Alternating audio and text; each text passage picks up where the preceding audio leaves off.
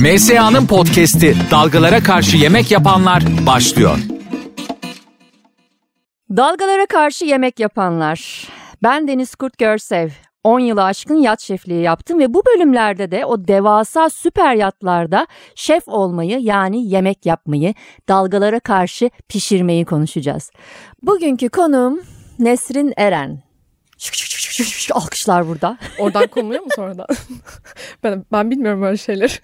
konuluyor konuluyor. tamam. Neden alkışlıyoruz? Çünkü Nesrin gerçekten de benim çok sevdiğim, birlikte çalışarak e, memnun olduğum, mutlu olduğum e, şey vatandaşım der gibi şeflerimden biri. Çünkü Nesrin'in e, şu an 26 yaşında mısın? Evet. 26 yaşında olmasına rağmen rağmen diyorum çünkü çok genç bir yaş. E, 23 yaşından beri 22 hatta 22 yaşından beri bir mutfak macerası var. Yani lise sonunda sayarsak işte Lezzet dergisinde yemek yapmaları o zaman bir 18-17 yaşlarına kadar gider ama hani onları çok saymıyorum.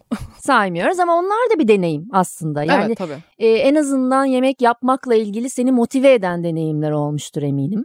Yat şefliği konumuz süper yat şefliği. Biz de Nesin'le zaten birazcık o bölümde birlikte çalışıyor oluyoruz. Nasıl birlikte çalışıyoruz derken aynı mutfakta yemek yapmıyoruz. Öyle bir şansım olamadı Nesin'le yemek yapmak gibi. Ne keyifli olur. Ama yine Atlantik olarak yerleştirdiğimiz şeflerden biri Nesrin. Ben önce birazcık seni tanımak istiyorum aslında. Yani bu kadar e, bana göre küçük bir yaş diyeyim ama çok genç bir yaşta bu kadar cesur işler yapıyor olmana bayılıyorum. O yüzden de 18 yaşın itibariyle olan başlangıç daha sonra şeye bağlandı, Mikla'ya bağlandı doğru mu? Evet yani lisede gazetecilik okurken işte yavaş yavaş yaptığım her şey aşçılığa, yemeğe bağlandıktan sonra bir şekilde Yeditepe gastronomi okurken en sonunda Bir şekilde derken olup, orası bir sonuçta E, üniversite evet. yine de. üniversite ama işte çok şey enteresan bir şekilde geliştiği için oraya girmem tamamıyla işte ablamın bir gün içerisinde önermesi ve benim bütün yolumun değişmesiyle birlikte hani bir şekilde diyorum orayı hızlı atlıyorum. Çünkü çok hızlı geçmiş gibi. Ama baktığımızda hani ben Herkesin şey, öyledir başlangıcı. Evet. Herkesin bir sebebi, kendiliğinden oluşmuş bir sebebi var. Seninki de ablanın sana söylemesi ve senin aslında bir kariyer arayışı içerisinde olmanla birlikte kendini gastronomi e, okulunda buldun, mutfak okulunda buldun ve ondan sonra da restoran dönemin var. Evet yani e, üniversitedeyken stajlarım vardı. İşte Michelin restoranlarda şansım oldu. Bir otel geçmişim oldu. Daha sonra zaten mezun olur olmaz e, kendimi Mikta'da buldum. Mikta'nın argesinde. Mikla tabii ki Türkiye'nin hani en değerli restoranlarından biri. Çünkü ödüllü bir hı. aynı zamanda da.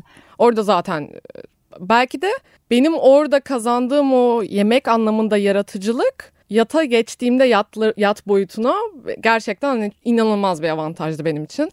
Yani çünkü her şeyi bir şekilde yaratman gerekiyor ve Mikla'dayken aslında sürekli argede olduğumuz için evet işte daha Araştırma, yavaştık geliştirme. ama sürekli araştırıp geliştirip yeni bir şeyler çıkartıp tamamıyla malzemeye odaklandığımız bir bölüm olduğu için hani oradayken inanılmaz avantajını gördüm. Çok farklı bir boyuttaydı. Yani aslında yaratıcılığın tohumları orada atılmış. Hı hı. Ondan sonra da yat sektöründe onu geliştirme şansı bulmuşsun diyebiliriz. Evet aynen öyle yani şey yavaş yavaş öğrendim. Daha sonra zaten o uygulama kısmı artık tek başımayken tamamıyla yat sektörü oldu. Nesrin'in ilk yatı e, benim şey yaptığım yani benim bizim ajansımız sebebiyle yerleştirildiği bir yat değildi. Kendi bulmuştu o işi. Ve daha sonra ben o yatla ilgili olarak e, tabii biz referans almamız gerekiyor. Bir sene sonra referans almak için yat kaptanlarından birini aradığımda bana dedi ki Valla kuru fasulye pilav bana demedi çok özür dilerim şeye demiş. Benim yerleştireceğim yat sahibinin kulağına gitmiş. Valla kuru fasulye pilav yemek istiyorsan her gün alın yani bu şefi demişler. Evet o da çok enteresan bir hikaye oluyor artık. Yani düşününce Çünkü buna gülüyoruz çünkü e, düşününce gerçekten çok absürttü. E, ben ama anladım o mevzuyu. neymiş? Çünkü şimdi benim iki tecrübem oldu. Onda da hep e, Türk tayfalarla işte ekiple çalıştım. Ben önce şeyi anlatayım. Neden buna güldük? Çünkü kuru fasulye pilav e, Nesrin'in kapasitesi için e, söylenebilecek herhalde en zayıf cümle olurdu. Çünkü Nesrin gerçekten de daha sonra da kendini kanıtladı o yıllardan sonra ama o yıllardan önce de hem Mikla tecrübesi hem de e, bir dönem Azerbaycan'da bir yine Azerbaycan devlet adamlarından birine e, bir private şeflik dönemi var. Private şef olarak hem Asya mutfağı hem İtalyan mutfağı hem Akdeniz mutfağı yine yine hem Türk mutfağı hem bunların hepsini kombine ederek yeni yeni mutfaklar oluşturmak konusunda başarılı bir şefken kuru fasulye pilav bölümünde ben tabii böyle bir kalmıştım yani nasıl ya? Nasıl yani kuru fasulye pilav nasıl olur? İşte oldu. Ee, sebebini şimdi senden dinleyelim çözdüm Evet, dediğin şimdi sebebi. şey özlem oluyor benim gördüğüm kadarıyla. İşte ailelerinden çok uzak, yani hepimiz ailelerimizden uzak oluyoruz. Tabii Türk yemeği istiyor. Yani normal. Ve herkesin bir damak tadı var ya böyle işte annesinden geçmiş Ya işte veya sen yapıyorsun. Tayland mutfağı içine Tabii, şeyli onlar- zencefilli Hindistan cevizi sütlü sıkılıyor doğal olarak Mümkün yani. değil onları zaten sunmak. Yani inanılmaz şey aslında yaratıcılığı sınırlandıran kısım Ekip. orası oluyor. Ekip oluyor kesinlikle ve en zoru da oluyor. Hani yap sahipleri bir şeyleri çok ciddi anlamda beğenirken onları ekibe sunduğumda hiçbir şekilde beğenmedikleri yani sürekli başıma gelen bir şeydi. Hmm. O aileden uzak kaldıkları için sürekli bence bu yemek olayına inanılmaz duygusal bakıyorlar. Ve e, atıyorum sen sadece bir istedikleri için kuru fasulye pilav yaptığında eğer o e, onların alışkın olduğu tat değilse e, babaannesinin yaptığı veya anneannesinin Ama yaptığı. normal bu. Evet hani o, onu hiçbir şekilde kabul görmüyor. Veya Hı hı. diyor ki bu işte ne meyhane kattın ya pilavı kuru olmamış. fasulye? Tabii bu ne ne böyle kattın? diyor. Zencefil mi attın kuru fasulyeye ne yaptın? O yüzden o e, duygusal oldukları için ben artık öyle düşünmeye başladım. Yani kuru fasulye pilavla seni şey yaptılar. Evet. Yargıladılar Nesrin'i kuru fasulye pilavla ama şey çok normal. Tabii ki daha sonra yani genelde söylenen şeyler zaten ge- gelir gelir geçer. Tabii ki hani yaptığın iş kalıcı olduğu için yaptığın işle zaten söylenenin üzerine çıkıyor oluyorsun ama şu bölümü de yanlış değil. Yat ekibi diye, Hı hı. crew dediğimiz yat ekipleri yani mürettebatın diğer geri kalan tamamı elbette ki ailelerinden uzak kalıyorlar işte dünyanın bir yerinde de olabiliyor. Şimdi Türkiye'de Türkiye'de olduğu için Türk yemekleri ama aynı Türk aslında e, yabancı bir yata gittiğinde de onun da yani Maldivler'deyken de kuru fasulye pilav özlemi duyuyor olacak. Aynısı şeyde de geçerliydi. Mesela Hırvat bir ekiple çalışmıştım. Ben çok alışmıştım İngilizlere yemek yapmaya ve daha hani ne bileyim yani İngiliz stili pişiriyordum diyemeyiz de nasıl tanımlayacağımı bilmiyorum sen anlarsın ne demek istediğim. Daha kuru yemeği e, Hı hı. adı altında işte bir protein eti tavuğu balığı her neyse e, yanına işte bir karışık fırında sebze gibi şeyler yapıyordum. Hırvat ekip mesela sürekli et yemek istiyordu ve kızartmaları çok yemek istiyordu. Akdeniz balık seviyor olmalarına rağmen ete takılmışlardı. Bazen mesela Filipinli olur ekibin içerisinde. E, Pirinç pişirdiğin günler şey yaparlar böyle aa yaşasın pirinç var diye. Sen mutlu olurlar. Çünkü bazen de mutfağa gelip zaten onlar o pirinci pişirmek Evet, için evet. senden izin isterler. O yüzden bu birazcık doğal bir yandan da. Peki seni yani bu bu bu hikaye gibi hikayeler aslında genç yaşında ilerlemeye çalışan bir şef olarak önüne çıkan engellerdi. Onlarla ilgili olarak mental düzeyini nasıl tuttun? Yani nasıl olgunlukla karşıladın? Nasıl yaptın bütün bu e, challenge diye günümüzün kelimesiyle yani bütün bu zorluğu nasıl göğüsledin? Yani zaten kendini biliyorsun bir şekilde. Onu yapıp yapamadığını veya o şartlardayken hissettiklerini de biliyorsun. Evet belki de ve hani düşündüğümüzde o benim ilk tecrübemdi. Ve bir gün içerisinde beni Mikonos'a yolladılar. Vizeyi hallettiler. Ben Bak sudan yine aynı. çıkmış balık. Hani ne yapacağım bilmiyorum. Bana diyorlar ki işte 43 metre tekne. Peki yaklaşıyoruz. Hayatımda hiç 43 metre teknenin boyutunu hayal edememiş biri olarak tabii e, afallıyorsun. Bir 43 mü? Ha, büyükmüş biraz. Evet biraz büyükmüş. Yaklaştıkça daha da büyüyor. Biraz daha büyüyor. Biraz daha büyüyor. Sonu Eyvah. gelmiyor. o yüzden evet ilk tecrübem olduğu için e, anlamaya çalıştım ilk başta neden böyle olduğunu. Çünkü o kaptan hep böyle farklı bir yaklaşımı vardı. Sanki öğretmek isterdi ama öğretme tarzı bana uygun değildi. Onu biliyorum. Hı hı. Ama evet ilk başta çok sarstı duyduğumda senden. Hani gerçekten çok sarstı. Çünkü orada yaptığım şeyleri biliyorum. Oradaki insanların gerçekten Hı hı. bir şekilde yemeklerimi de beğendiğini biliyordum. Hı hı. Başkasından böyle duyunca evet çok korkunçtu ama sonunda ne oldu? İlerledim. Tabii. O sırada zaten Bakü'deydim. Yeni bir teknede bu söylenen sözün aslında beni daha da fazla güçlendirdi. Evet. Sen böyle düşünüyordun. Peki o zaman bakalım bu sefer nasıl olacak deyince aslında daha da çok tetikleyici bir cümle oldu benim için ve şimdi oturup gülebiliyorum buna. Aynen öyle. Bir de e, ben de söylemek zorunda oluyorum öyle şeyleri. Çünkü şey değil tabii ki her aldığım negatif yorumu şey ya da yorumu pozitif ya da negatif hani şefe taşımak değil bizim görevimiz ama teknik olarak çok sert bir şey geldiyse ve o sert şey yüzünden o iş iptal olacaksa Hı-hı. o işin iptal olmasının sebebini anlamamız lazım. Senin de anlaman lazım ve orada da kendini işte çıkartıyor Hı-hı. olacak noktayı oradaki dersi beraber çıkarmamız lazım. Yani Hı-hı. niye acaba arkandan bu söylenmiş acaba neyde hata yapmışız gibi Hı-hı. ya da onlar neyde hata yapmışlar gibi. Yani o orada aslında iki tarafın da reputasyonu ortaya çıkmış oluyor. Yani Hı-hı. bizim de senin de e, o teknenin de gibi gibi. İşte İlk tecrüben diyorsun ya o ilk tecrübeni dinlemek istiyorum aslında. Yani e, ondan hemen önce mi Mikla'daydın? Mikla'dan ayrıldıktan sonra işte gemi adamı cüzdanı almak için başvurdum. Daha gemi adamı cüzdanı gelmeden bu iş çıktı. Ve yani peki duymuştun yat şefliğini. Ee, yani nereden duymuştun? Nasıl olmuştu? Nereden duymuştum? Galiba annem bahsediyordu birkaç yıl önce ama hep bir aklının köşesinde kalıyor. Hani gerçekten yapabilecek miyim? Ne olacak? Hemen iş bulabilir miyim? Bunların hep soru işareti. Çünkü gemi adım cüzdanına gittiğinde... Kimse sana bunun cevabını vermiyor. Tabii ki. Şimdi de onu söyleyecektim zaten. Biz şimdi Mutfak Sanatları Akademisi ile bir eğitim gerçekleştiriyoruz ya. Bunlar tabii o eğitimden önceki dönemlerdi senin bu tecrübelerin. Zaten işte bütün bu soruların cevabını vermek. bütün bu işte mesela ekibe nasıl yemek yapılırın cevabını vermek. Evet. O yemeği nasıl mutlulukla onları mutlu edeceğin versiyonun ne olduğunun cevabını vermek. İşte 43 metre nasıl bir şeydir?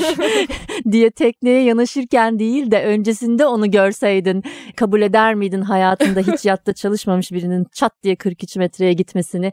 Ee, biz çünkü 24, 25, 30 öneriyoruz maksimum ee, ilk yatta çalışacak olan kişilere.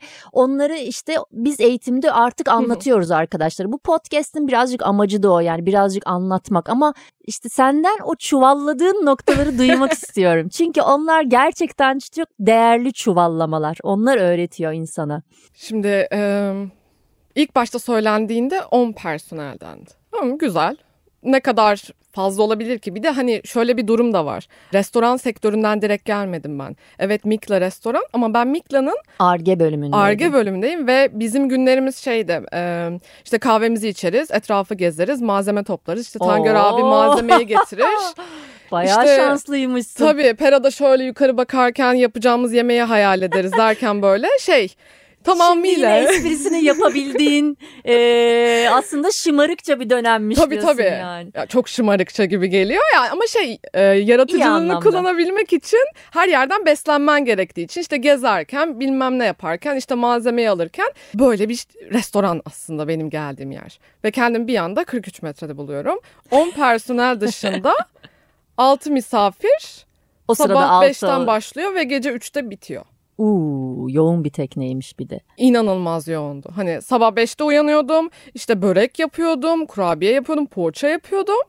Böyle devam ediyordu. Tabii personel yemeği Arge var. mutfağında böyle minik minik. Tabii. E, işte lor peyniriyle balı karıştırdım. Onun üzerine bilmem ne cevizini kondurdum falan derken börek poğaçaya girip çok enteresandı gerçekten. Ve sonra gece biterken böyle en son şey ya çorba yapıyordum böyle gece 3'te ya da e, soğanlı yumurtaya böyle işte kıymaları falan böyle eklemeye çalışıyordum ve gözlerimin altı şişmiş. İşte bir haftadır tekneden inmemişler.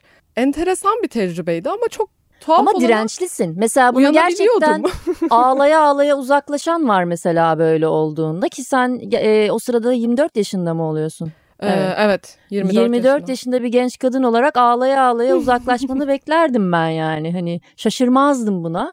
O yüzden o dirençli olduğunu anlamına da geliyor benim için. Çünkü şeyi anlatalım bir kere yani gerçekten niye böyle?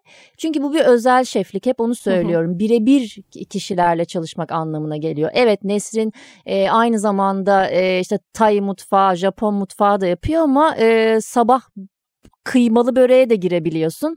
Gece işte alkol alınmış, dönülmüş gece acıkmasına e, tost da yapmak zorunda kalabiliyorsun. Ertesi gün işte hangover olduk, e, boş ver şimdi süslü yemekleri, hamburger yiyelim de e, olabiliyor. E, bunların hepsi yat şefliğinin doğası. E, private şefliğin doğası, doğrusu. Yanılıyor muyum? Hiçbir limit yok. Hani sabah bir anda gerçekten işte annenin açtığı gibi bir böreği açarken işte öğlen pattay yaparken işte personele Türk yemeği hazırlamaya çalışırken tencere Kuru yemeği akşam bir anda Meksika mutfağına dönüyorsun. Hani böyle bir şey. Ee, he- hepsini anlamlan- anlamlandırmaya çalışıyorsun sonunda ve hepsi karışıyor. Eğer gerçekten düzenini oturtursan inanılmaz keyifli. Çünkü hiçbir yere bağlı kalmıyorsun. Hiçbir mutfağa Kendi bağlı mutfağını değilsin. yönetiyorsun. Evet. İnanılmaz aslında özgürsün. Hani tabii belli bir çerçeve içerisinde ama inanılmaz öz- özgürsün. Evet çerçeveden kasıt işte birkaç metrekare. Tabii. bir de öyle şeyler var yani. Mutfak dediğimiz şey orada. Küçük bir alan özellikle de 25-30 metre hadi 43'te de bir tık daha büyüktür. Ee, 26 yani olunca daha şey oluyor. Evet Böyle 80 sınırlanıyor. metreye çıkmadığın sürece e, sıkı bir mutfakla karşılaşmazsın metrekare olarak. O yüzden de dar alanda kısa paslaşma yani küçük bir alanın var o küçük alanda ama senin mutfağın. Ben onu hep doğru buluyorum. Yani hani bilmiyorum kişiye göre değişir. Kimisi de şeyi sever. O restorandaki adrenalini hani 20 kişi bir arada işte marş etmeler, marş etmemeler, o geldi, bu gitti onu sever. Ben kendi başıma fokus olup çalışmayı daha çok sevdim her zaman. Sen de mi öyleydin? Evet bana daha keyifli geliyor. Hani restoranla kıyasladığımda Arge'de bile sadece iki kişiydik biz mutfağın içerisinde olan. Ve daha bana kendimi tanımlayabilmem için daha çok alan geliyormuş gibi. Daha fazla alan varmış gibi geliyor. E, Mutfakta da yat sektöründe de aynısı oldu zaten. Hani pası da veren sensin, işte sıcağı da hazırlayan sensin, soğuğu da, bulaşığı da yıkayan sensin, sebzelerini yıkayan da. Bunların hepsi sensin. O tek kişi nasıl anlatsam One man show. Yani her şeyini kendin karar verebilmem belki de güzeldir. Sonuçta hani Yani insanların tercihlerine göre hareket ediyorsun ama aslında sen veriyorsun o Evet. kararı. Yani o işte ne, neyi sevip neyi sevmediğine göre hareket ediyorsun tamamıyla ama bağımsızsın. bağımsızsın. Ama işte çöpü de atan sensin dediğin Tabii. gibi. Arada halat da çekersin. Arada halat da çek- cımbızla böyle bir yandan yemeğin üzerine bir dokunuş yaparken telsizden anons gelir. Ee, usturmaca tutmaya çıkarsın. Tabii o, o aşamada değil Ben ama seviyorum onu. Yani. evet bana spor gibi geliyor. Hani küçük olduğu için tekne. Ama bu bir yandan da güzel. Büyük olduğunda da onu yapacaksın. Yani usturmaça tutma hikayesi 70 metrede de yapılıyor şeflere valla. Ama şeydir yani eğer konuk varsa teknede e, o sırada sen mutfaktaysan seni çağırmazlar genel olarak. Çünkü zaten çok crew sayısı 15-20 e, sana ihtiyaç kalmıyor. Ama e, yine de bir takım ruhu hikayesi var ya ve çok doğru bir şey o. E, genelde küçük teknelerde bunun gerçekleştiği söylenir ama hayır büyük teknelerde aynı şey vardır. Yani 70 metre 60 metre bir teknede e, su şef ve head şef olarak iki kişi de olmamıza rağmen ben teknede çalışıyor olduğumda dediğim gibi iki elim kanda değilse yani iki elim iki tavada değilse e, yine yanaşılıyorsa usturmaça tutmaya çıkıyorsun. Çünkü çıkmazsan aslında garip bir hani konuşulmayan ayıp etme o yani. Hani hani kim oluyorum da ben herkes oradayken Evet. çıkmıyorum. Yani o onu ben çok doğru buluyorum. Gerçekten de o takım ruhu olmak zorunda. Tekne kaç metre olursa olsun. Bir de birbirlerinizi hani ekibin birbirini anlaması için de çok önemli. Ben ilk defa tikleri şey çitilemiştim. Gece bir vakti işte. Çitiledim dedi ya. Bunun kesin bir teknik terimi Tabii, vardır tabii, da. kesin vardır. Ben şey çok yakın değilim o Kaptan- terimlere hala. dinleyen kaptanlar bir ne olur yardım edin ya. Tik çitilemek ne Tik, demekmiş? çitile, çitileniyor tabii. Ha. Galiba Ben çitileniyor. onu yapmamışım bak o yüzden bilmiyorum. O çok kötü. Ya. İki gün kıpırdayamadım. Hmm. Baya böyle hani artık kollarımı hareket ettiremeyince işte ayaklarla yapmaya çalıştım. Ama Yeni bir şey icat bu, bu kadar da değil yani hani yardım etme bölümü de birazcık şey sana fazla rol vermişler. O kadar Ama da değil onu söyleyebilirim Önemli gerçekten. bir konu. Bir bence yat şefinin kesinlikle hani şey gibi bulaşık yıkaması gibi onu öğrenmesi gerekiyor ki çöpü taşırken işte ekstra dikkatli olsun yaz işte gelmesin He, tiklere. o ayrı. Onu İşte- ama onu sadece sana mesela ben tik filan çitilemedim ama bana e, dediler ki çöpü atarken double back işte çift e, şey yapmak zorundasın. Yoksa seni mahvederiz diye bütün de, e, gemiciler, dekentler zaten bir uyarı geçiyorlar sana daha baştan. Onu zaten artık vücut dilin haline getiriyorsun, öğreniyorsun ama bunun için tik tik çitilemen gerekmiyordu diye düşünüyorum. Biraz abartmışsın. Tecrübe. yani sonuçta teknenin içindeyiz. İşte herkes bir ekip. Ya şey de olmuştu mesela ben de 24 metreydi benim ilk teknem. Bende de vardı öyle şeyler. Çünkü ya oturacak mıyım yani? Herkes bir şey yapıyor. Sıkılıyorsun diyorsun ki ya ben de şu şurayı bir e, polish yapmak vardı. Cilalamak. Hani ben de şurayı bir cilalayayım. Tersane döneminde böyle hep beraber orayı burayı cilalamalar falan vardır. Daha büyük teknelerde e, hosteslere yardım etme durumu vardır. Beş e, hostes olur onlar. Sen tek başınasındır. 50 metrelerden bahsediyorum. Onlar beş kişi olurlar ama tabii onların temizlediği alan da büyük. E, konuk olmadığı bir dönemse teknede Aa, dur ya ben de şunun ucundan tutayım filan diyorsun yani. Bunu ben eğitimde de anlatıyorum arkadaşlara. Yani çok burnunuz havada dolanmayın. Zaten hiç dolanmayın evet, da. Evet kesin. Yok yani öyle bir versiyon. Yoksa ikinci sezonu göremezsin. Ama genel olarak yani yardımcı olmanın da Hani belli bir sınırına kadar onu gerçekten yapın. Yani tik çitilemeyi bilemedim o kadarını ama yani mesela havuç kesme sana ama sana da çok yardıma geliyorlardı. Evet. Ben gördüm Instagram'da. Bana Çocukları çalıştırdın, havuçları kestirttin. Tabii o limonu rendele... sıkın, şunu yapın, bunu yapın. Sağ Bu da doğru değil sayın dinleyiciler. Bu da yanlış. şimdi arada da mutfakta yalnızsın ya böyle sohbet edecek birilerini arayınca ha, o başka. keyifli. o başka onu bilemem. Ama genel olarak hani e, çok fazla yardım aslında Türk ekipleri çok yardım ediyorlar onu biliyorum. Hatta ben bunu derste e, ya da birçok böyle kaptanla konuşurken de anlatıyorum. Mesela hiç hayatında yatta çalışmamış bir şef olarak e, yerleştiriyorsak bir yata kaptan diyor ki biz elimizden gelen her türlü yardım yaparız mutfağa da girer arkadaşlar falan yok diyorum. Hayır lütfen mutfağa girmesinler. Çünkü o, o zaman şef şunu zannediyor. Ha bu iş böyle hep deme. Demek ki bu gemici arkadaşlar bize hep yardım ediyorlarmış. İyi havucu o kessin öbürünü bilmem. Böyle bir restorandan gelen hani e, bir de restoranda su şefliğe kadar yükselmiş ya da head şefliğe yükselmiş bir arkadaşımızsa ne oluyor o zaman? Zaten onu o yapsın bunu bu yapsın sen tabağı tut sen bilmem neyi yap diye emretmeye kadar geliyor iş. Öyle öğrenmesin istiyorum insanlar yani e, şefler ilk kez yatta çalışacak olan şefler yani öyle bir şey yok çünkü yurt dışında bu arada acımasızdır bu durum. Kimse gelip yardım mardım etmez.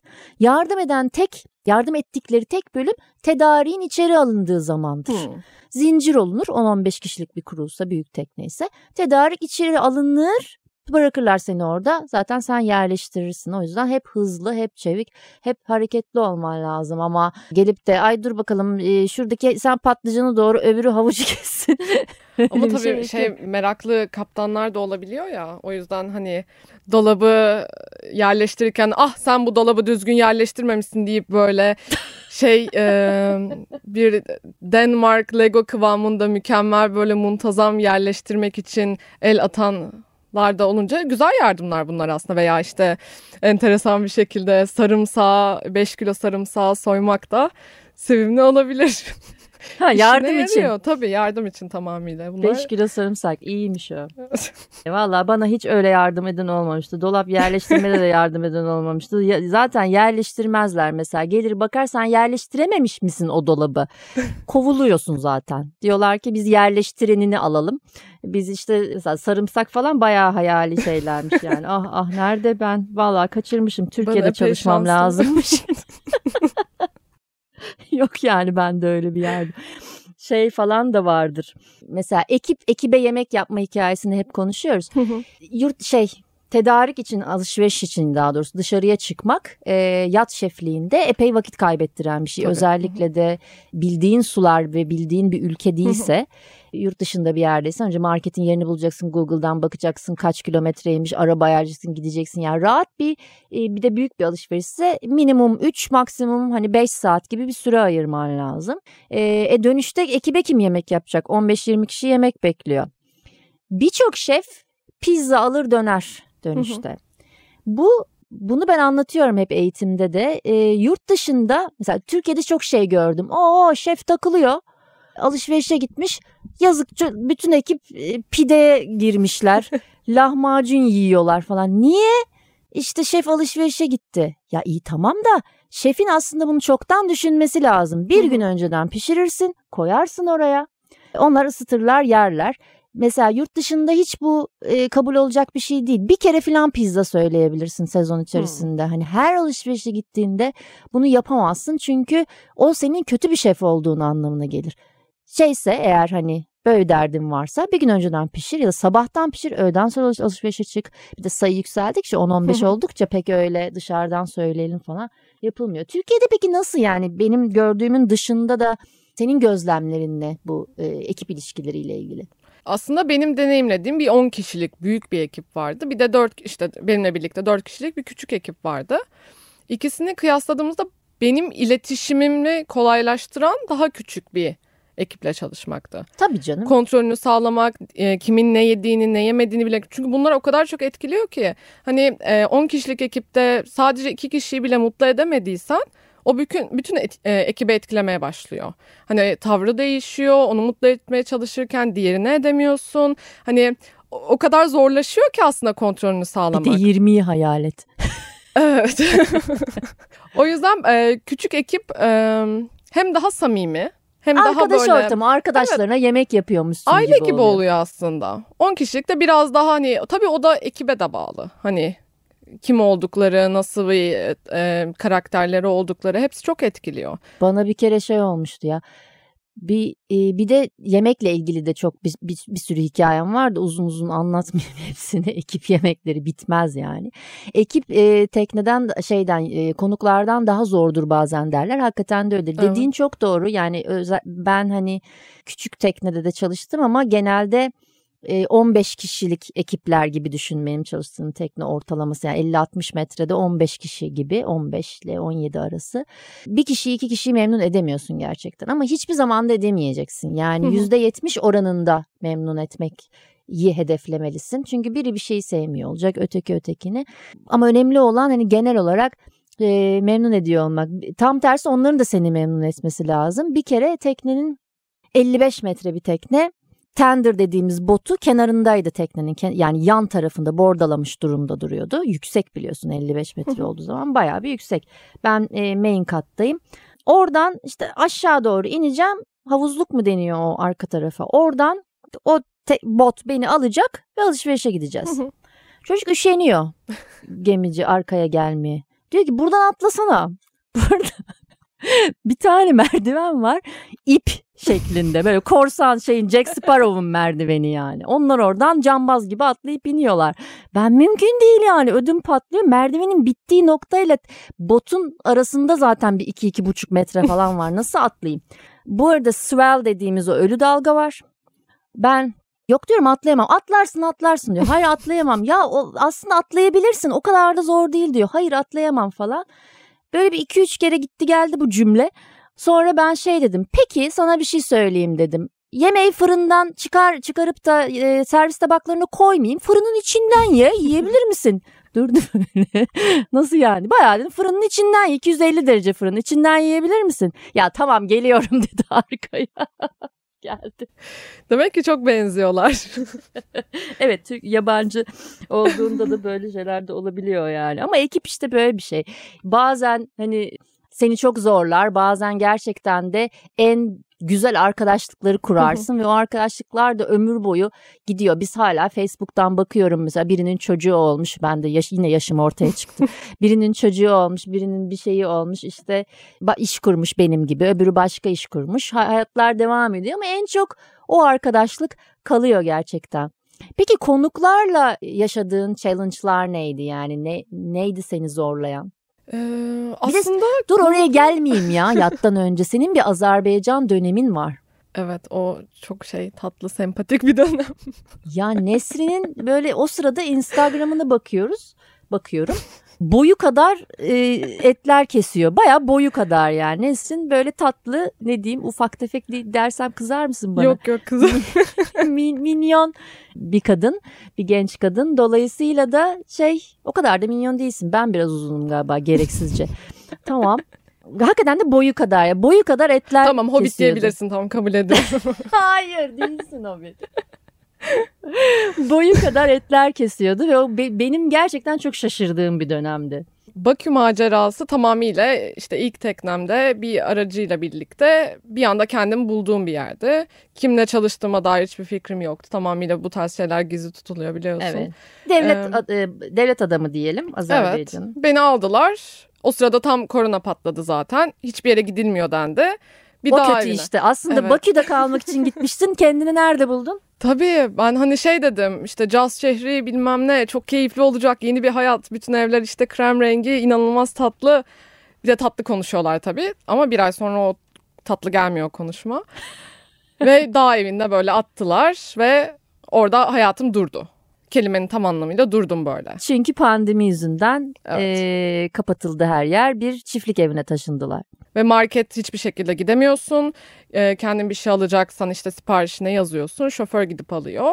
Ve her gün işte tırlarla bilmem nelerle malzemeler geliyor eve ve Ham malzemeler. evet hani kasap kavramı yok. Tamamıyla işte löp, işte dana bacağı, işte löp böyle kuzular. Böyle anlamaya çalışıyordum kuyruklardan. Kuzu mu keçi mi bu? Kuyruklardan. Ve bıçağın yok. Ee, Şey daha önceki kişiler de yani aşçılar böyle şeyler oluyor ya filmlerde olan baltalar. Onlarla doğrarlarmış. Ben dedim yapamam yani. Cani bir şekilde dedim usulüyle açayım YouTube'dan nasıl Usulüyle. kesildiğini öğreneyim. Ama bu arada bıçağın da buna elverişli değil. Çünkü giderken böyle bir planla gitmemiştin. Bana şey dediler en iyi malzemeler sana gelecek. Doğru Evet ama, ama ham haliyle.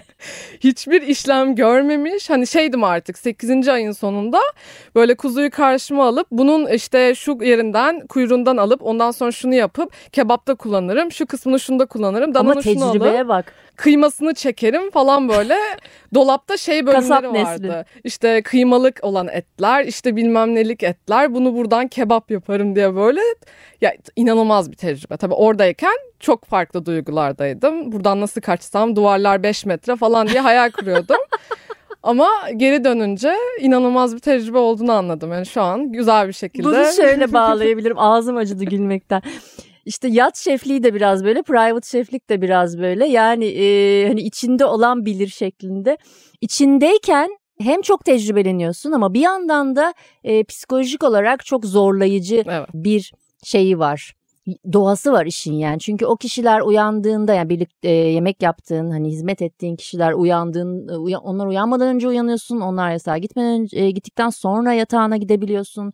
E, Off günün bir gün pazartesi, bir gün pazar, bir hafta hiç yok, öbür hafta belli değil. E, dolayısıyla da gerçekten mental olarak kendini sağlam tutabileceğin bir alan yok. Ama bu nedenle de yüksek ücretler alınıyor işte. Evet. Yani Hani bunu bunu Kusura bakma birazcık hasar verdik sana ama buyur bu da sana küçük bir hediyemiz diye. Sen diyorsun ki oh ya o hasar önemli değil. Hallederiz. hasar değil. dert bölümü değil. Ben de Hi- Hindistan'da çalışmıştım bir e, bir ay boyunca. E, Aslında yine benzer bir bağlantıyla yani yat 68 metre bir yatta e, bulunduğum bir dönem oraya charter müşterisi olarak gelen Hintli bir e, iş adamı diyeyim. Daha sonra Hindistan'a davet ediyor. Çünkü her ay bir başka şefi davet ediyor. Yani yalnızca beni değil. Kendi Hintli şefleri var. Zaten Hint mutfağı tabii ki en iyisiyle uygulanıyor. Hayatımda gördüğüm en hızlı soğan kesicileri orada gördüm mesela Hintli çocukların. Bu arada Hindistan'da soğanın ikinci bir zarı varmış mesela. Böyle böyle garip bir tecrübem oldu. İki zarlı. soyuyorsun soyuyorsun soğanı soyamıyorsun. Ondan sonra çılgın gibi soğan garam masalanın gerçekten ne olduğunu o hani baharatların karışımından oluşan ama her ailenin ayrı bir e, baharat karışımının olduğunu filan orada öğrendim ama ben bir aylığına gittim bir ay sonra başka bir şef benim yerime geldi. Diğerleri mesela tutunamadılar. Benden bana göre çok daha iyi şefler olmalarına rağmen ev sahibi 3 gün sonra şey demiş Aa, yok beğenmedim deyip göndermiş ama parasını verip göndermiş. Ben mesela ona üzüldüm beni de beğenmeyeydi iyi mi olurdu acaba diye. Çünkü Hindistan tecrübesi ilginç bir tecrübeydi. Şey yani sende nasıl işte kocaman şeyler hayvan parçaları geliyorsa bende de e, alışverişe gideceğim beni bir yere götürüyorlar. Tavuğu seçiyorsun bu diyorsun. Orada kafasını uçuruyor senin gözünün önünde. Ya diye kafayı uçuruyor. Sen ha tamam. Evet bu ay yok ya o değilmiş öbürü. Kusura bakmayın. Kusura bakmayın öbürüymüş diyemiyorsun. Kafası uçurulan tavuğu alıyorsun. Akdeniz ürünleri mesela işte aynı burada biraz da Türkiye'de o anlamda zayıftır ya e, işte makroda bulabilirsin her ürünü her yerde bulamıyorsun. Orada da öyleydi yani gurme market bir tane var oraya gitmek için aynı filmlerdeki gibi Hindistan trafiğini geçmen lazım yani oraya aslında 15 dakikalık mesafe ama 3,5 saatte gidiyorsun 3,5 saatte geri dönüyorsun. Bu arada iki evde birden çalışıyordum bir ev Pune'deydi bir ev Mumbai'de. Mumbai'den Pune'ye 4 saat trafiklerle beraber 6. Mumbai, Pune, Pune, Mumbai arasında 3 araba e, soğutucuların içerisinde kocaman kocaman etler gidiyor, etler geri geliyor, etler gidiyor, etler geri geliyor filan. Böyle bir dönem geçirmiştim ama bu işte bence yine bunların hepsi çok büyük tecrübeler. Evet evet hani o anda çok farklı hissediyorsun ama şimdi şöyle bir uzaktan bakınca evet çok fazla değiştirmiş seni. Çok. Fark ediyorsun. Çok. Ben de aynı fikirdeyim. Yani gerçekten de çok değişti. İşte olgunlaştırıyor. Yani 26 yaşında karşımda böyle konuşabiliyorsun. Kocaman kocaman cümlelerle. Ben 26 yaşımı hatırlamıyorum bile neredeydi. Ne ne bir daha yaşım çıktı. Ama şimdi hiyerarşik bir düzen. Şey mantığı vardır ya böyle askere gidince erkekler bir olgunlaşır. Hani teknede de öyle başlayınca bir şekilde o mentalite devam ediyor. Benim aslında 3 yıllık bir askerlik dönemim var baktığımızda. Ha doğru Olgunlaşmak güzel. için uzun bir zaman. Güzel. Güzel. Askerliğe benzetebiliriz aslında yat şefliğini biraz private şefliği de öyle. Ee, yaptığın yemekler arasında ben şeye çok kaydığını görüyorum Asya mutfağına. Aslında e, inanılmaz o mutfağa odaklanayım gibi bir şey yoktu. E, tamamıyla işte yat sahiplerinin, gelen misafirlerin tercih ettiği bir mutfak olduğu için yavaş yavaş ben de o tarafa kaydım. Zaten hani lezzetli. Zaten lezzetli. Ürünleri bulmakta zorlanmıyor musun burada? Çoğu ürünü işte belli Taksim'deki birkaç yerde vardı tanıdığım. İşte oradan tofular bilmem neler işte soslar. Zor olmuyor artık bence. bir de çok fazla hani tedarik inanılmaz bir zincirim yoktu benim. Hani belli bir yerler vardı. Onlardan alıyordum işte zincir marketler gibi. Öyle inanılmaz bir şey e, farklı yerlerden getirtme gibi bir durum olmuyordu. Ki zaten hani yaptığım muhtemelen ben gitmediğim için hani gitmediğim bir yerin yemeğini de yapmak ne kadar doğru yaptığımı Hmm. bilmiyorum. Sadece lezzetli yapabildiğimden emin oluyorum. Bu kadar. Hani ne kadar doğru onu bilmiyorum. Aa, ona zaten yani gerçekten oraya giderek emin olabilirsin. yani Tayland'a gitmediysen bu benim için de geçerli. Ben Tayland'a gitmedim mesela Pasifik tecrübem az benim. Ondan emin olamıyorum ama işte e, Karayip mutfağı, Kreol mutfağı da yani yerinde deneyimlediğim şeyler. Ondan sonra da kendi mutfağıma uyguladığım şeyler. Yaz şefliğinin biraz da öyle bir şeyi var. Yani sen bun, senin bundan sonraki hedefin de yurt dışında ilerlemek bildiğim kadarıyla. Evet ya şimdi e, bir de şöyle bir şey oluyor hani evet belli bir süre karada çalıştım. Sonra kendimi yat sektöründe buldum ve tamamıyla yalnızdım. Ve yatın içindeyken senin geçmişin neyse o kadar şey biliyorsun. Onlara tekrar bir şeyler katabiliyorsun ama ateşi tekrardan keşfetmek gibi baktığımızda. Hı hı. Ne öğrendiysen öğrendin ve bitti artık tek başına ilerliyorsun. E şimdi böyle olunca bir noktadan sonra bir böyle bende durulma oldu biraz daha. Evet işte farklı müşte- şeylerle, misafirlerle farklı mutfakları tecrübe ediyorum. Kendimi o alanda ilerletiyorum. Ama daha fazla şey öğrenmek istiyorum. Bu noktada tekrar okul okuyacak halim yok. Ben de yurt dışında farklı bir restoranda biraz devam edip sonra tekrardan yat, Yat sektörüne, sektörüne dönmek geçip. bana daha mantıklı geldi bu evrede. Benim de mesela daha genç yaşlarda hedeflediğim ya ilk yıllarında yat sektörünün hedeflediğim şeylerden biri oydu. Yani çalıştığım tekneler o zaman çok büyük değildi. Daha yani 40-50 metrelere çıkmamıştım. İşte 24 e, ondan sonra işte 30 falan gibi metrelerde Hı hı. olduğunda diyordum ki yazın böyle çalışayım kışın da Michelin yıldızlı restoranlarda tecrübe yapayım. Fakat bunu uygulayamadım. Çünkü para tatlı geldi. Çünkü yat sektöründe daha büyük tekne, daha büyük tekne, Evet. daha da büyük tekne, biraz daha büyük olsun gibi bir noktaya geldim. Ee, o da pek durdurulamayan bir Hı hırsa hı. dönüşebiliyor. Ben işte 82 metrede durdum. Yani 180'e kadar yolu var. Ee, ama hani kadınlar genelde küçük teknelerde kalıyorlar. Sen ne diyorsun buna? Ben inanılmaz tecrübe etmek istediğim şey aslında yelken. Hani Hmm. gerçekten hani artık bir deneyim diyorum. Çünkü hani motor yat çok farklı. Birçok insanda duyduğum kadarıyla beni daha çok mutlu edecek olanın yelken olduğunu söylüyorlar. Çünkü ben her şeye romantik bakıyorum ya böyle duygusal. Motor Ay evet, senin yelkenle öyle bir tarafın daha var. böyle şey tatlı olurmuş gibi. Ama onu yapabilmem için biraz daha durulup, biraz daha karaya ayak basıp, kendimi daha çok geliştirip işte büyük bir yelken beni tatmin edecekmiş gibi. Yok şu anda geçebilirsin yani 40 metre 45 metre bir yelkenliğe rahat rahat geçersin. Çünkü zaten a, kuru sayısı aynı 6 kuru olacak. 50 metre yelkenliğe de geçebilirsin ama orada da işte yok yine geçebilirsin. Çünkü zaten 10 kuruluk bir tecrüben var orada da 9 kuru olacak. Ama önemli olan işte planlarını yapmak yani hayattaki planlar. Ve o planlar bazen tutuyor. Bazen e, işte gerek ekonomik nedenlerle gerek işte vize gibi e, ne yazık ki Türkiye'den yurt dışına giderken yaşadığımız problemler nedeniyle tutmayabiliyor.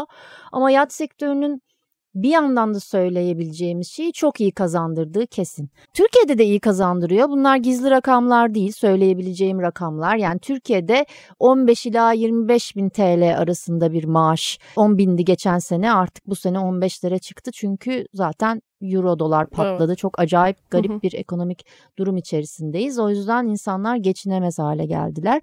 Türkiye'de böyle e, henüz daha oturmamış bir sistem olduğu için Türkiye'deki yat sektörü biz biraz oturtmaya çalışıyoruz. Management şirketleri biraz oturtmaya çalışıyor. Yatlar büyüdükçe iş profesyonelleşmeye başlıyor. E, daha profesyonel ihtiyaçlar doğmaya başlıyor. Yat sahipleri daha iyi anlayabiliyor oluyorlar ama e, daha o aşama tam oturmadı. Yurt dışında ise belli 3000 eurodan başlıyor 10-12 bin euroya kadar çıkıyor. Geçen gün mesela 85 metre bir tekne için e, bir şef arayışı içerisinde bana dediler ki 8 bin, 7 bin, 8 bin euro olur mu? Dedim ki o ilanı giremem bile ben gülerler dedim. Çünkü garip bir şekilde yat sektörü çok iyi kazandırıyor ve 7 bin euroya hiçbir şef oraya gelmez. 9 bin euroya gelir. Çünkü o boyut onu gerektiriyor. E, minimum 9 yani şefin isteğine göre o onu 12'ye kadar bile çıkabiliyor. E, bu da işte niye? Çünkü çok çalışıyoruz. Evet. Çünkü çok kendimizi geliştiriyoruz. Çünkü bazen katılıyor musun dediğimi bilmiyorum ama şöyle hissettiğin oldu mu mesela? Sen her gün farklı yemek yapıyorsun ki sen bu arada Türkiye'de zor ürün bularak yapıyorsun. Ben bir de onun daha rahatını yaptım yani Avrupa'da çalıştığım için ya da Amerika'da çalıştığım için zaten ürünler elimin altındaydı yani çok daha evet, rahat çok orada. Çok büyük sıkıntı. Evet ona rağmen sen her gün restoran kalitesinde yemek çıkartıyorsun bir de yatlar büyüdükçe o daha da fazla hani isteniyor. O tabaklamasını ona göre yapıyorsun. Gerçekten çok şık her şey. Sonra bir restorana gidiyorsun diyorlar ki aa çok iyi. Gidiyorsun ve şey diyorsun ya ben bunu her gün yapıyorum ya. Oldu mu sana oluyor mu? Dürüst ol. Evet çok oluyor. bunu söylemek istemiyorum ama. ya evet böyle bir şey var ve çok acımasızca ama bu demek değil ki o restoranlarda yapılanı aza indirgiyoruz bu cümlelerimizle. Hayır aza indirgemiyoruz ama bir tek kişi olarak bunu yapabiliyorken 80 kişinin mutfakta olduğunda bunu çıkartıyor olmasına birazcık şey oluyorsun. Ama hani şey gibi böyle hani ben bir mantarla 5 saat böyle ilgilenebiliyormuşum gibi. Ama restoranda çok daha farklı. Sen kişiyi özel yaparken bilmiyorum belki de normal bir şefin dikkat ettiğinden detaycı olduğundan daha fazla detaycısın ve o daha farklı etkiliyor bence. Çünkü yani tamamıyla kişiye özel yapıyorsun. Onun ne sevdiğini, nasıl sevdiğini artık hayal edebiliyorsun. Ama sen kendi yaratıcılığını koymazsan o tabak güzel çıkmaz ki zaten. Tabii Yoksa ne olur işte hep konuşuyoruz. iki zeytinyağlı, iki makarnaya döner yani. Yat şefi dediğin öyle bir şeye dönüşür. O değil. Gerçekten o tabağın şık olmasına özen gösteriyorsun. Çünkü o senin kariyerini etkileyen bir şey. Senin reputasyonunu etkileyen bir şey. Ya sensin o yani tabak. Hani herkes ne yiyorsa dedi. Ben hep tabak fotoğraflarını mesela şeflerden istiyorum çünkü e, ve anlam veremiyor çoğu bazen. Diyorlar ki yani işte bunu buldum koydum. Hayır bunu buldum koydum değil. Sen lütfen kendini kendi yapabileceğin zaten hani yalan dolan resim bana kimse getirmesin diye de uzun uzun uğraşıyoruz bunları tespit etmeye ama yani kendi yapabileceğin tabakları getir. Ama bir yandan da şey hani yok mu yok mu hiç e, tabak fotoğrafın? Ya bir şefimiz onunla da bir kaydımız olacak. Oturdu evde yaptı tabaklarını fotoğraflarını çekti çat diye CV'ye koydu. O kadar güzeldi ki. yani doğrusu bu çünkü. Yani kendi yaptığı tabağa koydu ve hani o onu o tabak onu temsil eden bir tabak. Gerçekten de hani dediğin gibi kişiye özel çalışıyoruz ama sen kendini koyuyorsun o tabağa. Evet evet tamamıyla senin kişiliğini yansıtıyor. Tek bir insandan çıkmış, tek bir düşünceden. O zaman daha farklı oluyor sanırım lezzeti veya bir restoran kalitesine gerçekten çıkabiliyor. O zaman bundan sonraki hedefini yurt dışı olarak koyduk ama yine de seni yatlarda göreceğiz. Evet kesinlikle çünkü muhtemelen bırakabileceğim bir şey değil artık. Şu an bile tekneleri gördüğümde şöyle bir iç geçiriyorum. Ha, o, o kesinlikle gerçekleşen bir şey. Ben bütün arkadaşları böyle bir sezon içerisinde delirip beni arayan şef arkadaşlara. Çünkü öyle şeyler de var. Benim görevim böyle psikolojik danışman gibi bir noktam da var benim. Baya böyle e, sezon içerisinde ya böyle böyle hissediyorum doğru mu falan diye telefonlar alabiliyorum kibar kibar. Ben de e, yanıtlıyorum. O yanıtların içerisinde şu var. Sakin ol. e, her şey bittikten sonra diyorum işte kızgın olduğu birileri varsa o insanlarla oturup kıyıda bira içeceksin ve e, bir ay sonra bir ay boyunca hiç yat, tekne, deniz, bıçak falan görmek istemeyeceksin ama bir ay sonra e, bütün o geçen teknelere şöyle bakmaya başlayacaksın çünkü özleyeceksin. Yat sektöründe şöyle bir cümle vardır. Yatçılar için yati denir ya İngilizce'de. Yatçılar için şu kullanılır. E, her yat, yatçı e, yani her yat mürettebatı çalışanı hayatında en az iki kez işi bırakır. en az iki kez. Çünkü geri dönmek isteyeceksin. Geri dönmek isteyecektir. E, benim hatta bir tane 55 metre çok yoğun bir iş bir sezondu günde 3 saat 5 saat uyuyarak ki yasal değil bu arada günde 3 saat 5 saat güya kurallara göre 11 saat uyumamız gerekiyordu ama günde 3 saat 5 saat uyuyarak e, çalıştığım bir tekne vardı. Charter teknesiydi. Bittiğinde Milano'da normalde ben yaşıyor yaşıyordum özellikle o dönem e, çalışmadığım zamanlarda. Milano'da ev tutacağım 2-3 aylığına. E, bir ev arıyorum. Çok güzel bir ev buldum. Yalnız fiyatı normalde olduğunun daha düşük. Niye acaba falan? Allah Allah bakıyorum bakıyorum ben merkezi normalde olduğundan daha düşük bir fiyat. Açtım telefon dedim ki niye bunun fiyatı mutfağı yok dediler. Tutuyorum dedim. Çünkü Öyle bir noktaya geliyor gerçekten de yat şefi dediğimiz e, kişi bütün bir sezonu çok yoğun geçirdiği zaman evet mutfaksız bir yerde bile yaşamak istiyorsun. bir istiyorsun ki restorana gideyim bana hizmet etsinler. Ama ondan sonra da tekrar bu kış evde oturacağım dediğim bütün kışlar Karayiplere gittim daha büyük teknelere. Yani çünkü evet, özeniyorsun. Sonunda öyle oluyor. Bizim o... ailede bile hala kimse inanmıyor aşçı olduğumu. Öyle bir şey mi? Tabii böyle bir iki defa bir şey belki yapmışımdır böyle. Herkesin gözleri doluyor. İnanamıyorum. Kızım aslında gerçekten yemek pişiriyormuş diye. Beni görenler böyle kuru ekmek ve peynir yerken görüyor. Çünkü öyle bir şey var. Bir yandan da şey mesela sonsuz güzel yemekler yapıyorsun. Teknede de öyle. İşte sushi'ler, işte şeyler, pattayılar, onlar bunlar. Bir, ben mesela akşam yemeğine cornflakes yediğimi biliyorum. Yani. Çünkü evet. hiçbirini görmek ve yemek istemiyorum. Balık falan. Sabah karides ayıklayarak uyanmış. İlk işim o olmuş mesela. Peynir falan görmeden karides ayıklamaya başlamışım. Dolayısıyla gece 12'de akşam yemeği olarak cornflakes yediğimi biliyorum. Ben tayfaya çok özeniyordum ya. Böyle bakıp onlara Tayfa vardı. deme arkadaşlara. Ay, evet ekip Mü- ekip. ekip de mürettebat de. Tayfa, tayfa direkt tayfaymış gibi oluyor böyle. Ama tayfa sevimli bir kelime de denmiyor. Tayfa. Mürettebat. Bunu dinleyince tekrar bir tayfa. Mürettebat. Mürettebat. Hı hı. Bunu söyleyince de çok zor oldu. Ekip. Ekip. Ekibi uzaktan görünce şey hissediyordum böyle. Ne güzel. Açlar ve yemek yiyorlar. Ha o da var. Mesela işte dört ay hiç acıkmıyorsun mesela. Evet, hiç Böyle aç şey. değilsin. Hiç aç değilsin. Ama hiçbir şey yememişsin. Tabii onun için işte mutfağa hani şey o, o sene hissetmiştim ben özellikle böyle hani. Çünkü ya mozzarella kesiyorsun dur sağından bir tane yiyeyim. Öbürünü kesiyorsun solundan bir tane yiyeyim. Dur şunun bir tadı. Mesela tadına bakarak kilo almaz şefler. Böyle yiye yiye çöp tenekesine evet, evet. dönüştüğümüz için. E, ben şefliği bıraktıktan sonra kilo verdim. Bayağı 70 kilo falandım yani o zamanlar. O yüzden belki tekneden atlamama izin vermedi. Bu kız atlarsa botu batırır diye vazgeçmiş olabilirler. Ama yani gerçekten de hem zorluğuyla hem neşesiyle burada bayağıdır gülüyoruz bir yandan. Hem de e, duygusal taraflarıyla ki sen bunları her gün batımında birebir yaşıyorsun. Gün batımı gün, gün doğumu, gün batımı gün doğumudur teknede yaşamak. Ve hayatında görüp görebileceğin en güzel gün batımlarını görürsün. Evet. Görüp görebileceğin en güzel manzaralarla belki hiç mesela off günlerinde çıkarsın dışarıya tekneden ayrılmaya iznin olduğu günlerde motosiklet kiralarsın Yunan adasında ATV kiralarsın basar gidersin bilmediğin yerler keşfedersin. Bir yandan çok yalnız bir iştir bir yalnızlıktır ama bir yandan da o yalnızlığın verdiği bir dünya insanı olmayı sana sunan bir meslek. Ben o yüzden bütün bu sürelerimin e, yani benimki işte 10 yıl gibi bir süre herhalde. O kadar sürenin denizlerde geçmiş olduğuna çok memnunum. Sen de bence işte biraz kara biraz yat biraz kara biraz yat. Bir sonrakinde seni bir yelkenlide göreceğiz sanırım. Umarım. Bakalım neler olacak. Bakalım neler olacak. çok teşekkür ediyorum Nesrin. Ben geldiğin çok için. ederim. o zaman bir sonraki konuğumla buluşmak üzere diyorum.